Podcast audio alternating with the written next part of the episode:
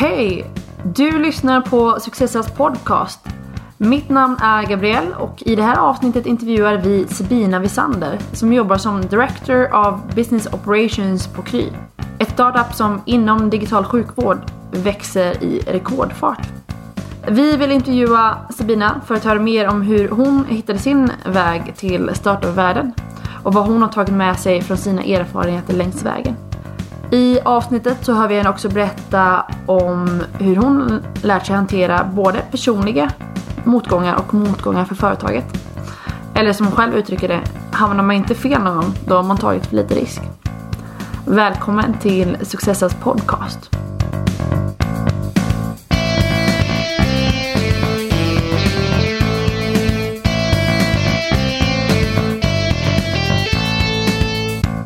Hej! Du lyssnar just nu på Successa eh, och jag heter Gabrielle. Jag sitter här på KRIS kontor i Stockholm med ingen mindre än Sabina Visander. Välkommen hit Sabina. Tack. Eller välkommen till mig kanske, nu är jag på ert kontor. Men välkommen till podden. Ja, välkommen till KRI. Ja, exakt. Du jobbar ju som eh, Director of Business Operations på KRI sedan i ja, vintras, är det va? Mm. För alla som inte vet vad KY är, vad, vad gör ni för något? Vi är vad vi vill kalla en digital vårdcentral. Eh, så vi är en eh, app där man kan träffa läkare för små och stora besvär när man är vart som helst. Man kanske är på jobbet och bara smiter in i ett mötesrum och stämmer av med sin läkare. Eh, och kan man få recept och remiss eller goda råd. Härligt! Mm. Digital hälsa helt enkelt, när det är som bäst. Digital hälsa. Eh, när det är som bäst, men också i, kanske i sin vagga, får man säga. Som det är ganska nytt. Ja, men intressant. Det är, det är absolut en högaktuell industri om inte annat. Det är mycket som händer där. Du har ju eh, en lite annan bakgrund mot, eh, mot de som vi intervjuat innan. Eh, de entreprenörer som vi intervjuade innan, ska jag säga. Eh, du har först börjat på McKinsey som managementkonsult. Eh, sen gick du till en VC, eller venture capital-firma, innan du sen gick in på den här startup-världen och, och Kry.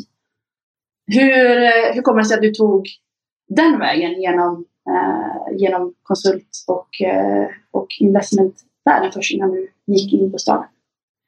Ja, men bra fråga. Jag tror att jag visste nog inte vart jag skulle. Så det var nog inte liksom, så tydligt att jag valde en speciell väg liksom, genom de här delarna till, till ett startup.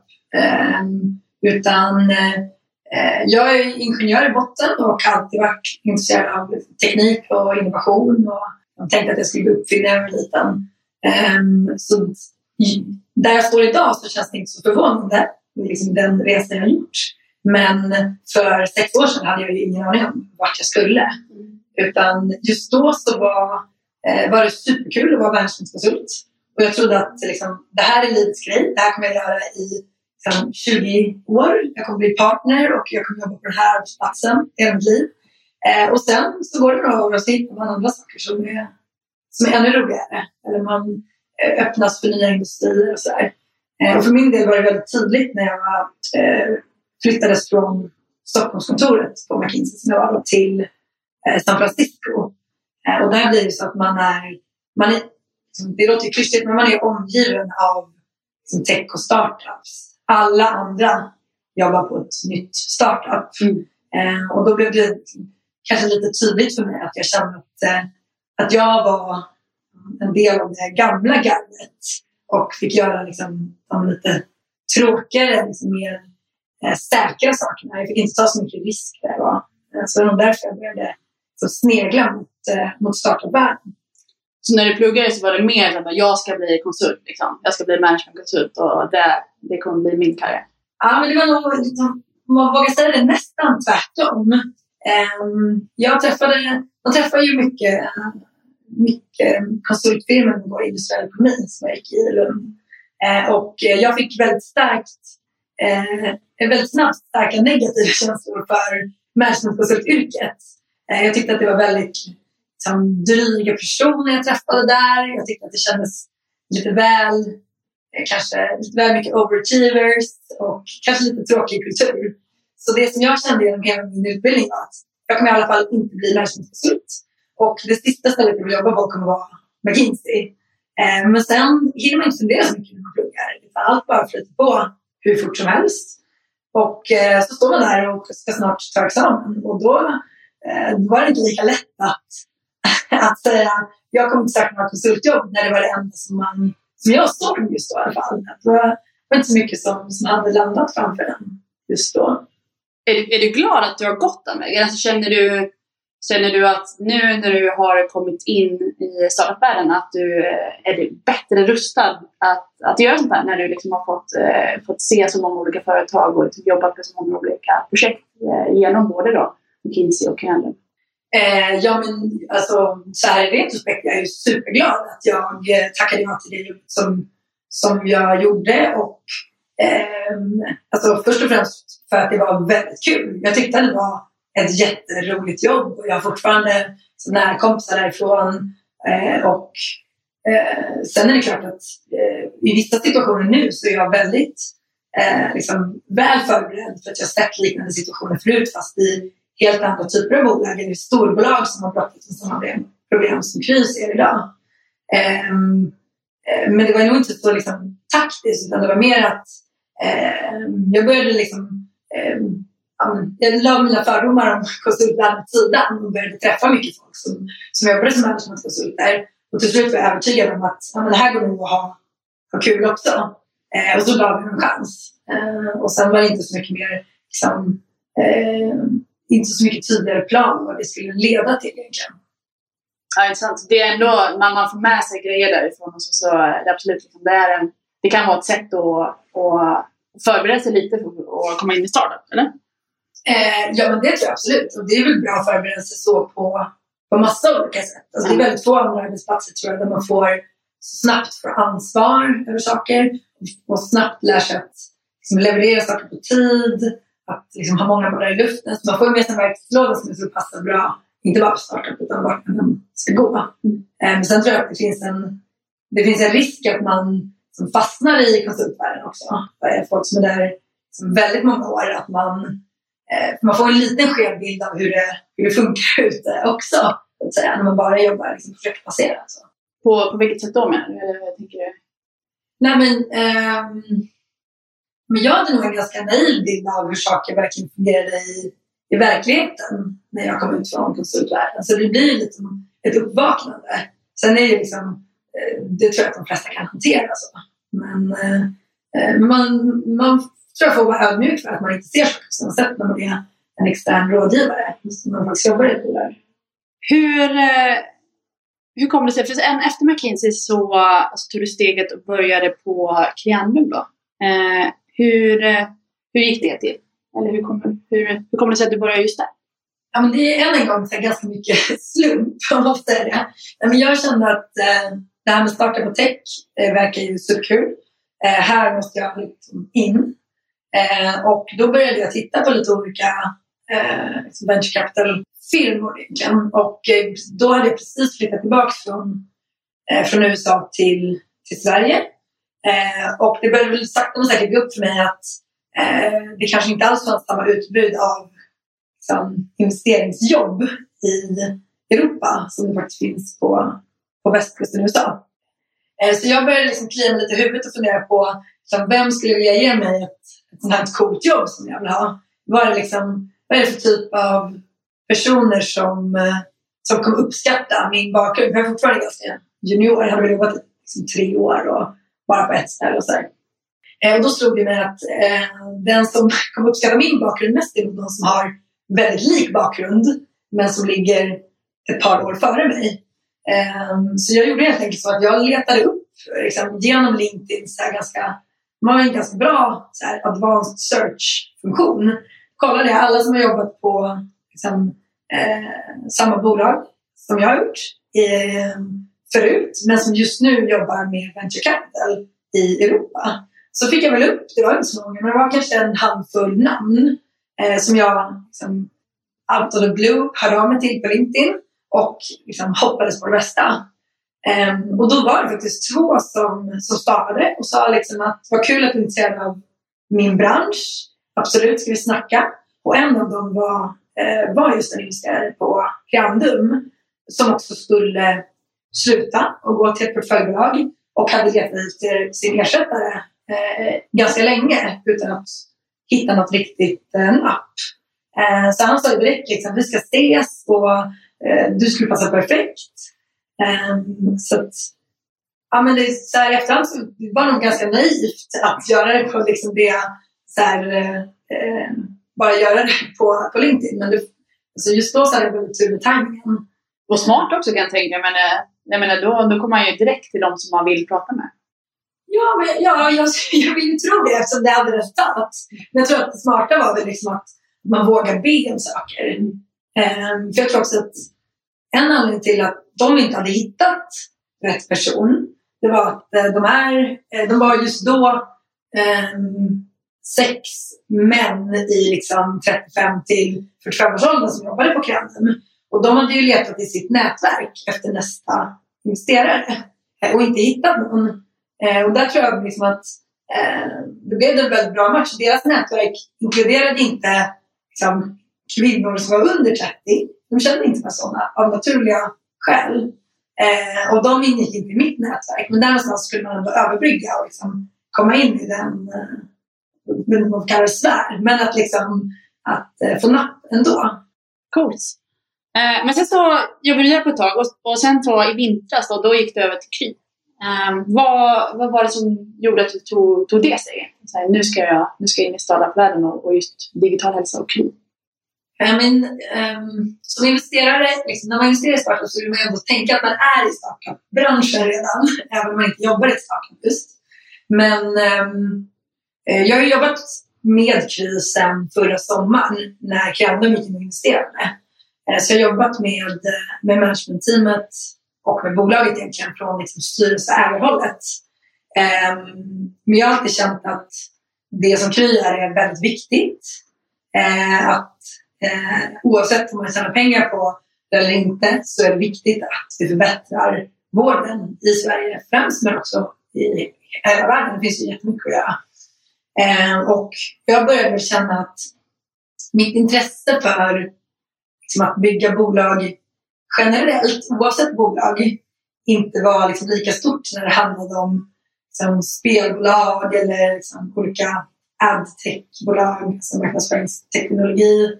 Eh, och då kände jag att jag kunde inte göra ett lika bra jobb på alla områden. Jag tyckte det var ganska ointressant och som entreprenör så hade man säkert mycket sämre chans hos mig om man höll på med liksom, någon slags CRM-system än om man kom med liksom, saker som innehöll antingen liksom digital hälsa eller tittar mycket på edtech, alltså tech inom skolväsendet.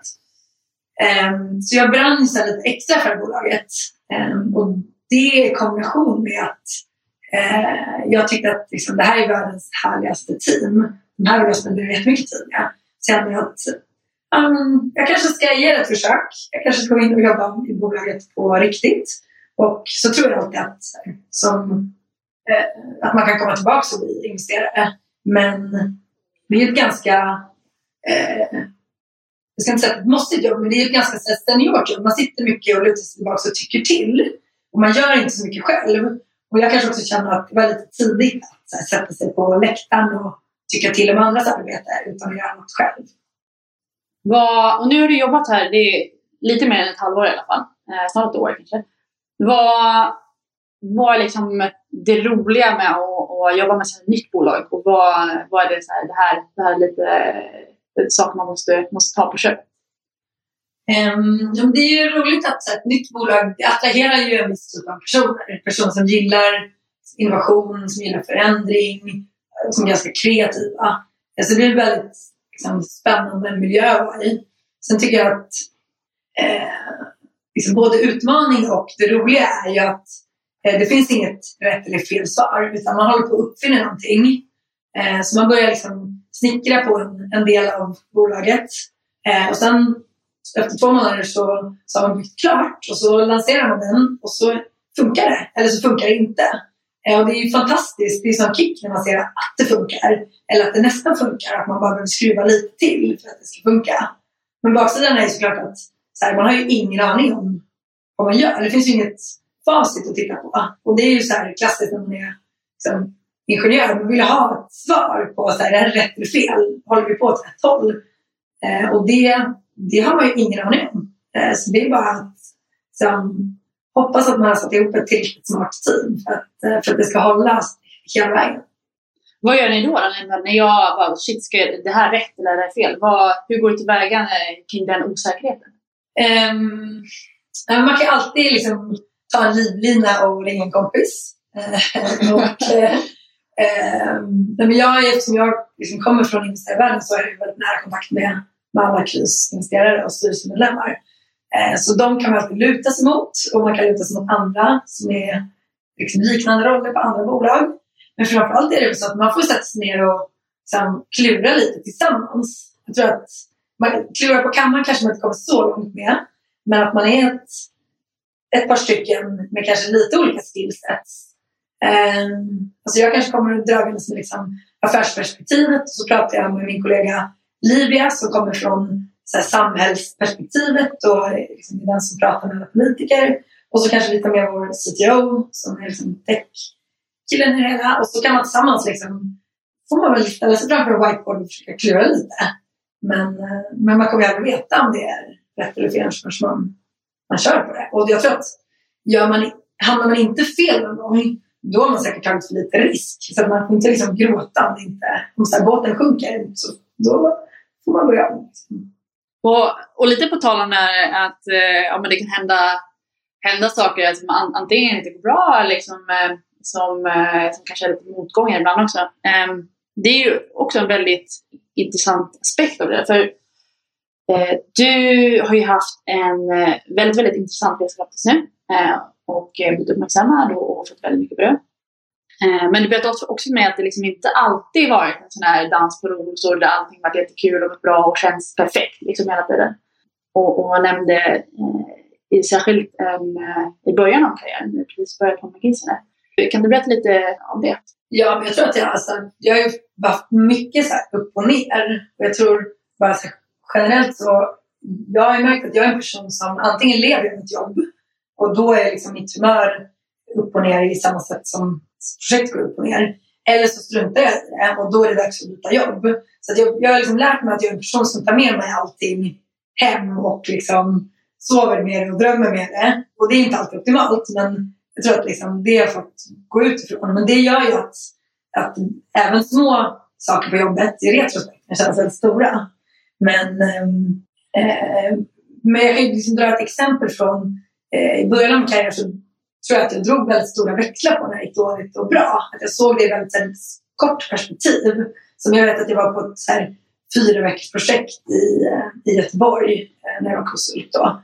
Och hade, eh, det var liksom jag som var sex månader in i min karriär och sen var det en, en projektledare som var en partner på, på firman då, som, som la väl ungefär liksom 20 minuter i veckan på det här projektet. Eh, så jag slängdes in och skulle eh, ta fram någon analys om, eh, jag tror att det var så här, kostcutting i inköpsprojekt eller sånt Så man skulle liksom reducera antalet leverantörer och liksom förhandla om vissa avtal. Och, så här. och jag hade ju ingen aning om hur inköp fungerade och jag hade ingen aning om vad jag skulle titta på och jag hade knappt gjort liksom, ett, en powerpoint förut. Eh, men kände väl att här, det här är det som förväntas av mig och jag borde bara köra på. Eh, och det blev liksom ett, ett projekt där jag satt liksom, åtta på morgonen till fyra på natten. Jag brände nästan ut mig själv bara på den här jätte, jättekorta tiden. Och jag var liksom jätteolycklig. Och när jag lämnade mig ifrån det här för att jag skulle på semester, då kände jag att här, nu har jag misslyckats totalt. Eh, jag kommer få sparken, så här ska det inte gå till. Eh, så det var liksom så här, eh, första gången, men absolut inte sista, som jag kände att här, ja, men nu är det kört, nu kan jag kasta in handduken, nu får jag leta efter ett, ett nytt jobb. Eh, och då är det just att eh, om man är en sån som jag som involverar sig i sitt jobb så känner man ju också att man är en misslyckad person. Alltså att man internaliserar den här processen som har hänt liksom på jobbet till att det innefattar kanske liksom, nästan så långt som att ens personliga värde, ens värde som, som människa. Eh, och mådde dåligt över det här liksom, länge. Jag hade världens sämsta semester efter det här.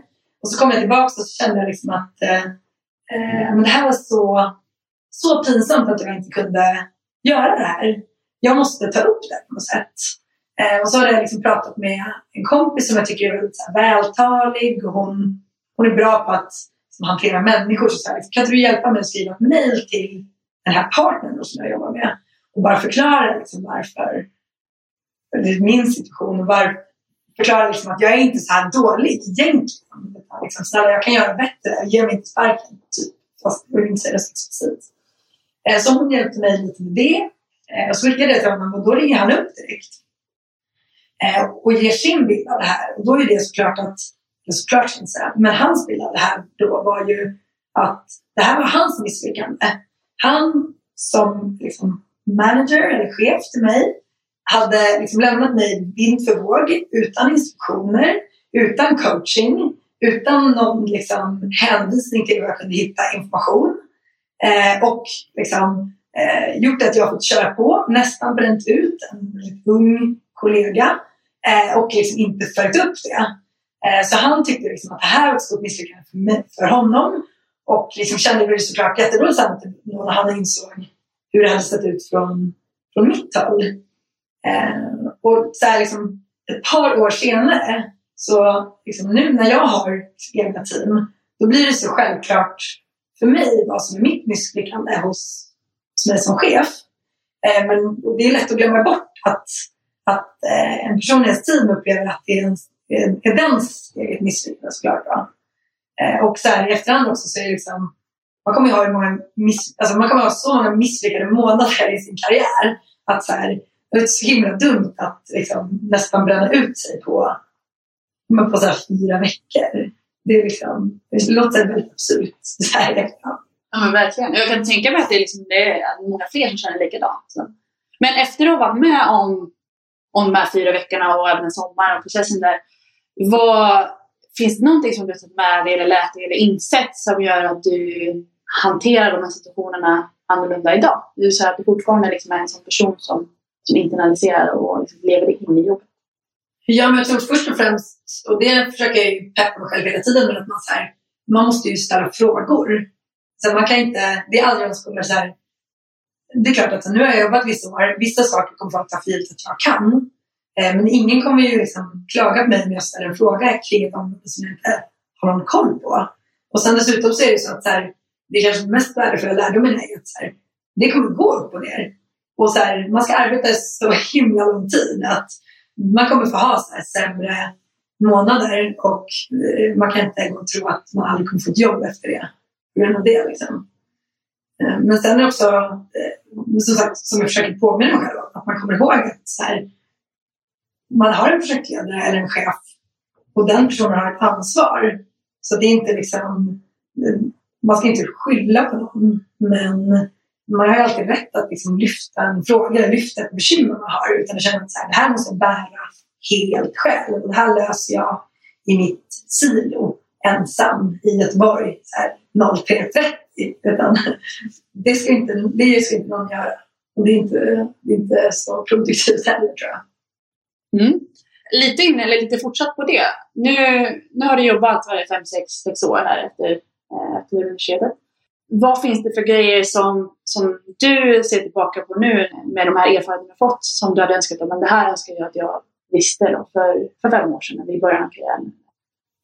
Ja, men jättemycket. Men det hade väl varit jätteskönt att förstå att man inte behöver veta vart man, vart man, vad man ska bli.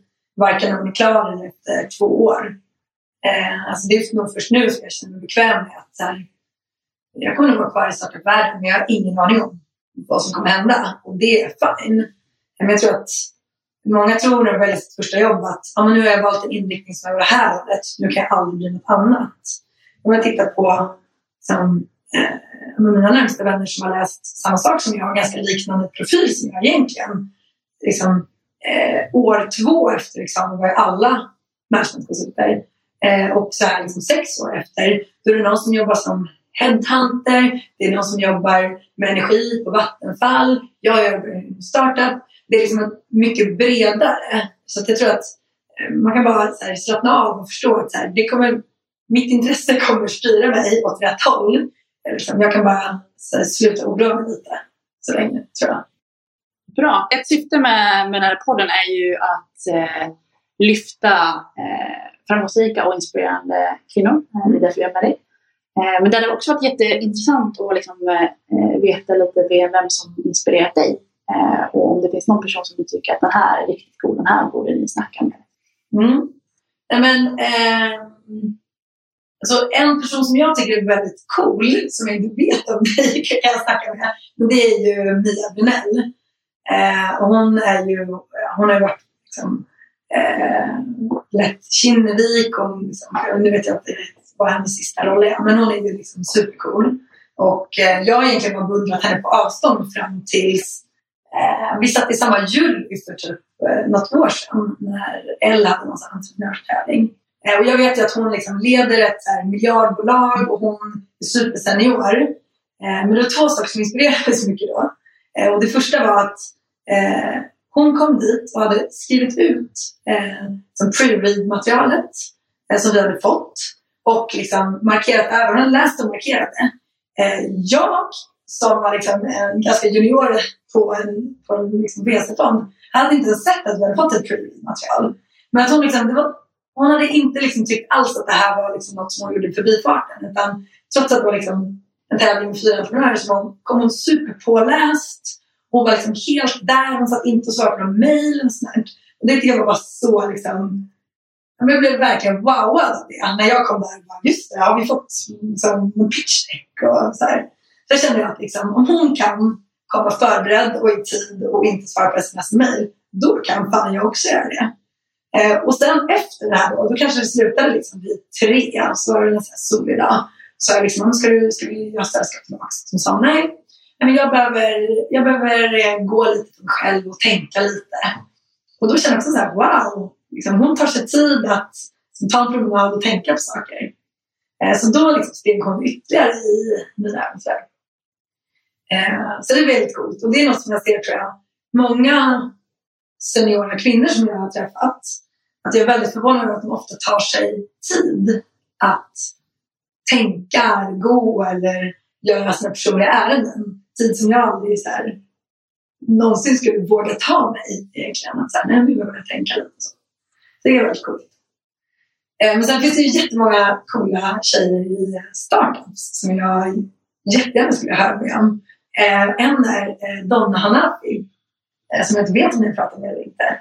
Men hon är en eh, inom marknadsföring och growth. och kommer tidigare från, jag spenderade många år på TikTok.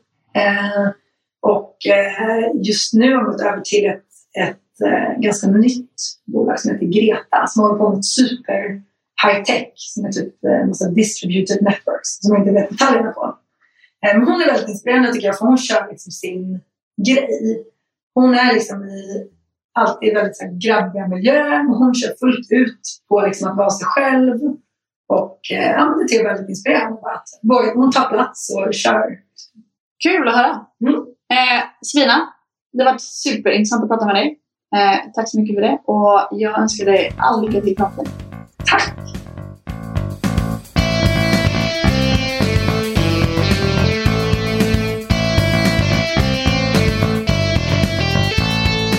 Det där var alltså Sabina som vi lyssnade till alldeles nyss. Vad säger vi om det Sara? Ja, eh, jättekul att eh, lyssna på Sabina. Eh, det första jag tänker på är det här när hon, eh, hon bara, jag vill ha det här jobbet. Jag skriver på LinkedIn. Det jag tänker på där är att eh, man, man pratar ofta om att ja, men man får jobb via kontaktnät liksom och sådär. Men här var det ju kanske inte en, det var inte kontaktnät i den traditionella bemärkelsen utan hon skapade sig de kontakterna själv genom att bara sträcka ut en hand. Exakt, hur tar man sig in i eh, en bransch där, där man inte liksom är sen innan? Ja, och uppenbarligen eftersom att hon fick jobb där och de inte hade den typen av kontakter så var det ju en vinna-vinna situation. Så återigen, det är så, bara gör det så kan det komma något bra från det. Uh, och också lite uh, som vi har sett med alla vi intervjuar. Men hon formulerar det på ett ganska bra sätt. Där, ja men om du inte hamnar fel någon gång eller om du inte gör fel, då har du tagit för lite risk. Det, det resonerar ganska mycket med mig också. Verkligen, men jag kan tycka så här, det låter så himla självklart när någon säger det och framförallt hur hon formulerar det. Men samtidigt kan jag själv tycka att det är så himla svårt att omsätta i praktiken. Ja. Att så här, det, en år, ett år innan när vi sitter här så bara, absolut, jag ska ta risk. Typ, så här, jag älskar misslyckanden. Men när man väl sitter där och ska ta den risken och står inför det misslyckandet så är det en helt annan grej. Eh, och det är väldigt stor mindset-skifte som man behöver göra.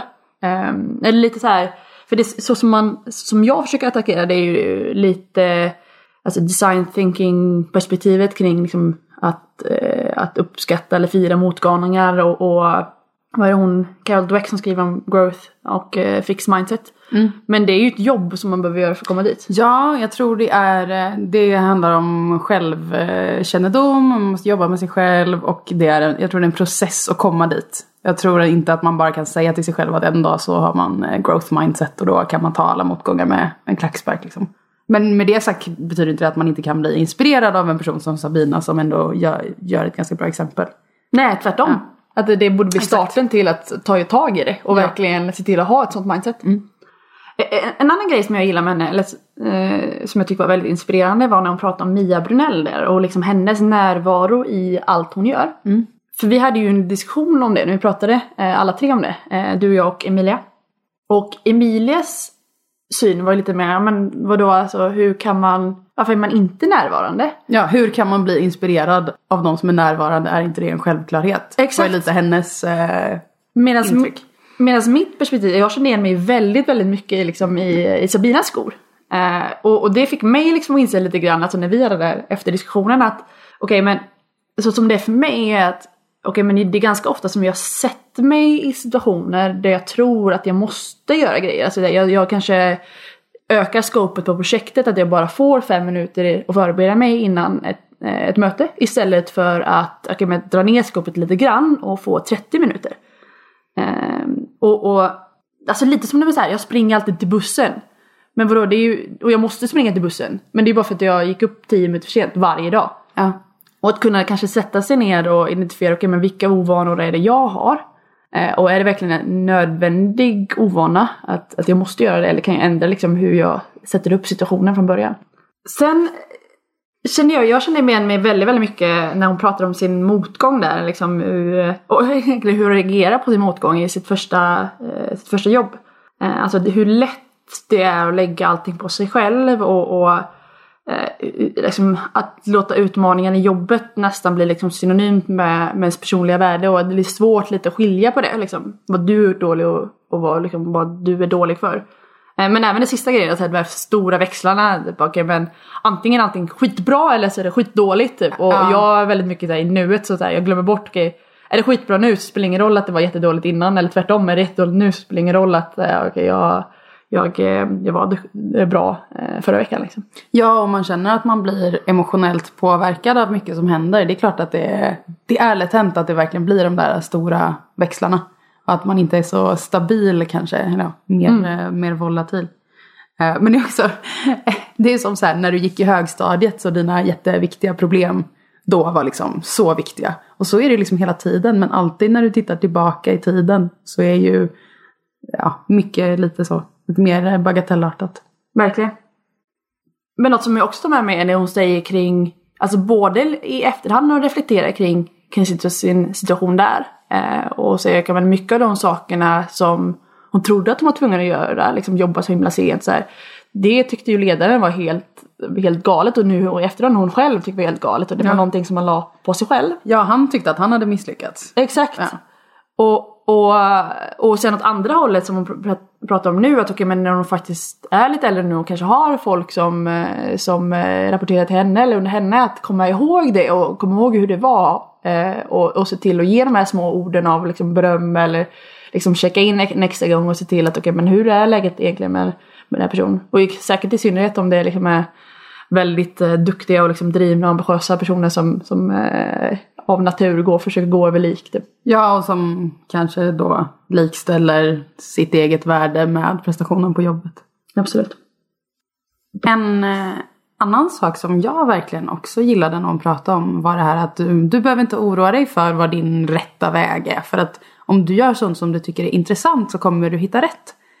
Och eh, det är något som jag tänker på jättemycket nu. Liksom, ah, men vilken väg ska man gå och sådär. Och det känns skönt att få rådet att man har lite is i magen. För det kommer ju reda ut sig. Man måste inte veta det nu. Exakt, och det blir nästan lite så här att man ser den röda tråden i efterhand.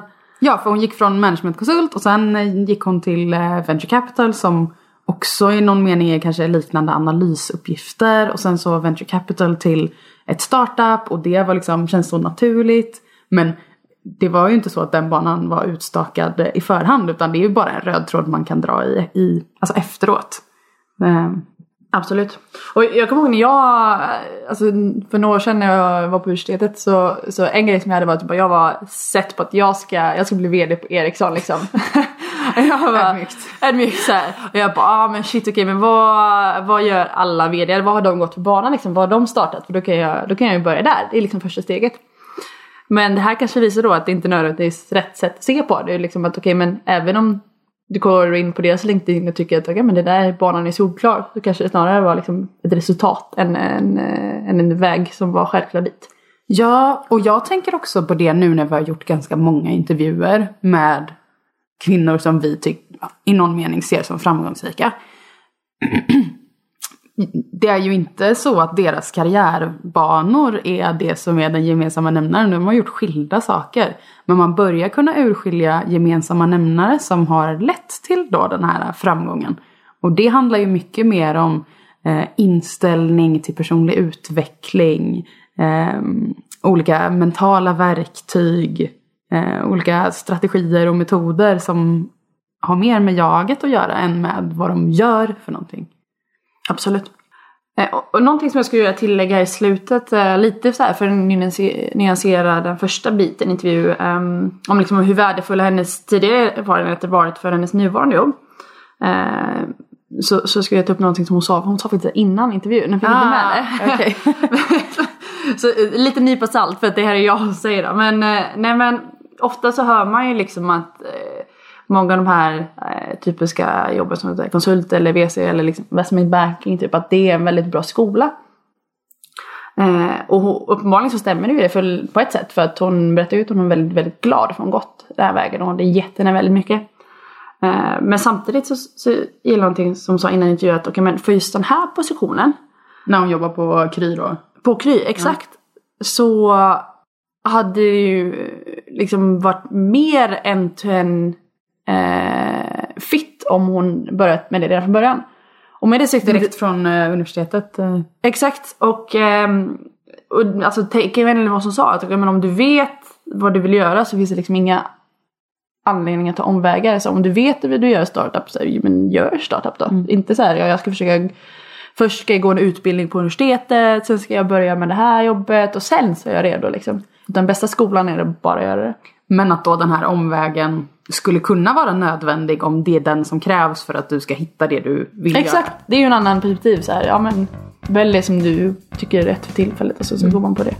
Det går inte att göra fel Det går inte att göra fel. Exakt.